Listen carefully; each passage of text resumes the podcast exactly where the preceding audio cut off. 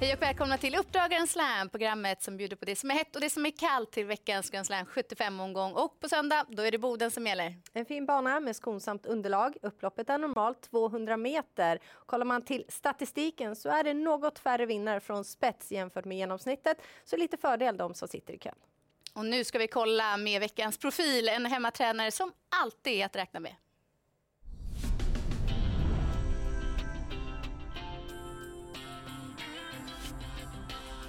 Välkommen till programmet ska vi säga till Sandra Eriksson som väldigt nyligen körde in över två miljoner till stallet. Hur nöjd är Sandra med tillvaron? Ja, men eh, jag är nöjd med tillvaron. Det är klart, man vill ju alltid att det ska gå ännu bättre, men eh, ja, det har gått skapligt. Det är skapligt, det är bra siffror och fin segerprocent fortsätter du ha. Nu är det ju hemmaplan Boden som gäller på söndag. Du kan ju Boden väldigt bra. Vad har du att säga till oss som vill veta allt om Boden?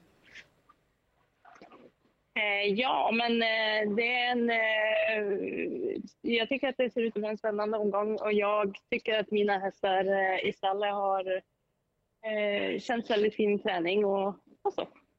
Och det verkar har... se ut att bli ganska hyggligt väder. Ja, det låter bra. Om man har innespår bakom bilen, är det bra eller dåligt på Bodentravet? Lite sämre.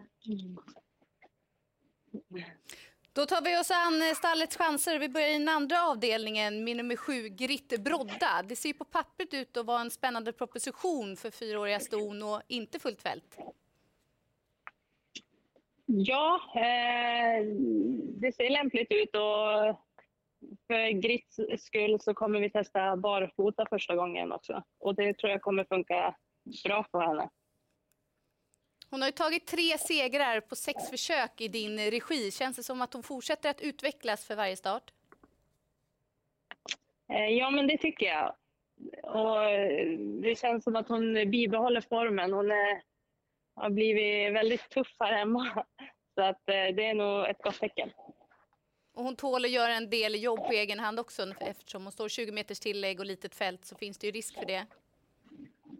Ja, precis. Och hon har visat tidigare att hon eh, trivs med att göra lite grovjobb också så att det, det är jag inte rädd för där. Men det är klart, det var väl någon på, eh, som stod 20 före som har gjort hyggliga prestationer också.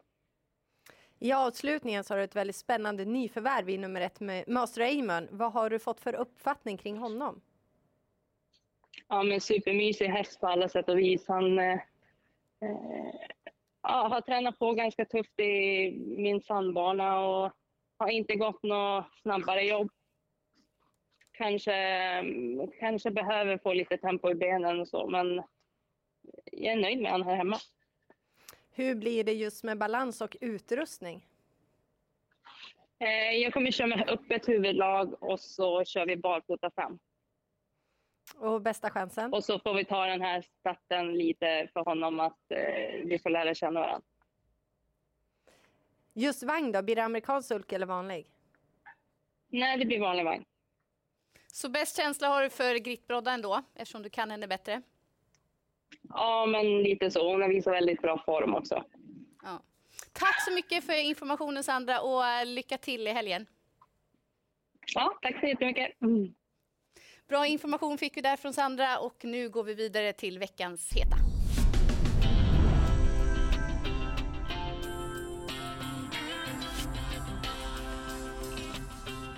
När Skellefteå arrangerade V75 så var det mycket snack om banan. Det var inte alla hästar som trivdes och en av dem var nummer 12 Önas Quickstep som startade den första avdelningen. Han galopperade då så vi glömmer den starten. Gången innan då var han riktigt bra. Man testade för ledningen någonstans mitt i loppet, fick svar. Ändå kunde han avgå med seger och det var starkt gjort. Madeleine Wiksten som tränar, hon jämför honom faktiskt med en så bra häst som Maybach VF och det säger en hel del. Och Madeleines tränarform, den är bra. I år har hon fördubblat segerprocenten gentemot fjolåret. Och går vi till den fjärde avdelningen så har nummer sju Rose Run Voyage väldigt bra form och är en stark avslutare. Senast så hittade han loss 150 meter före mål och spurtade då in eh, bra som trea bakom favoriten MT Puccini. Den här gången har favoriten bakspår och Rose Run Voyage har framspår. Jag är inne på att det kan bli omvänd ordning dessa två i mål. Mm, I femte avdelningen så har ju nummer sju, Juan Sisu, varit ute och mött väldigt hårt motstånd men inte fått någon utdelning.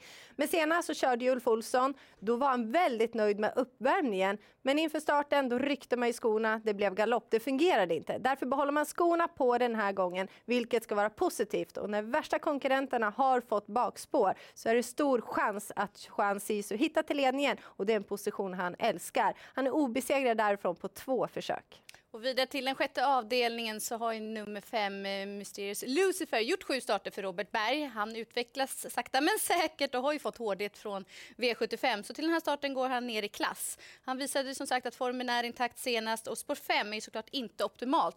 Men faktum är att han har sett mer stabil ut i voltstart än i auto, så jag tror att man löser det här snäva spåret och visar sig bara vara bäst.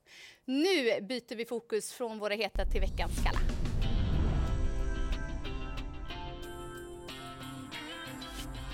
Vi börjar i den tredje avdelningen med nummer 9, Chrissys Symphony, som håller fin form och har flest eh, segrar i programraden. Men hon är inte att lita på. 11 galopper har det blivit på hennes 18 starter.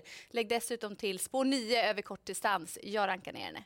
Och I den femte avdelningen så har ju nummer 12 Last Dying Breath eh, sex segrar på nio försök och har stor utvecklingspotential. Men man har jobbat en hel del med travet, därför oroar galoppen senast en hel del. Och dessutom så har han det här spåret, riskerar en hel del grovjobb och om konkurrenten, värsta konkurrenten kommer till ledningen och får bestämma, då kan det bli för långt fram.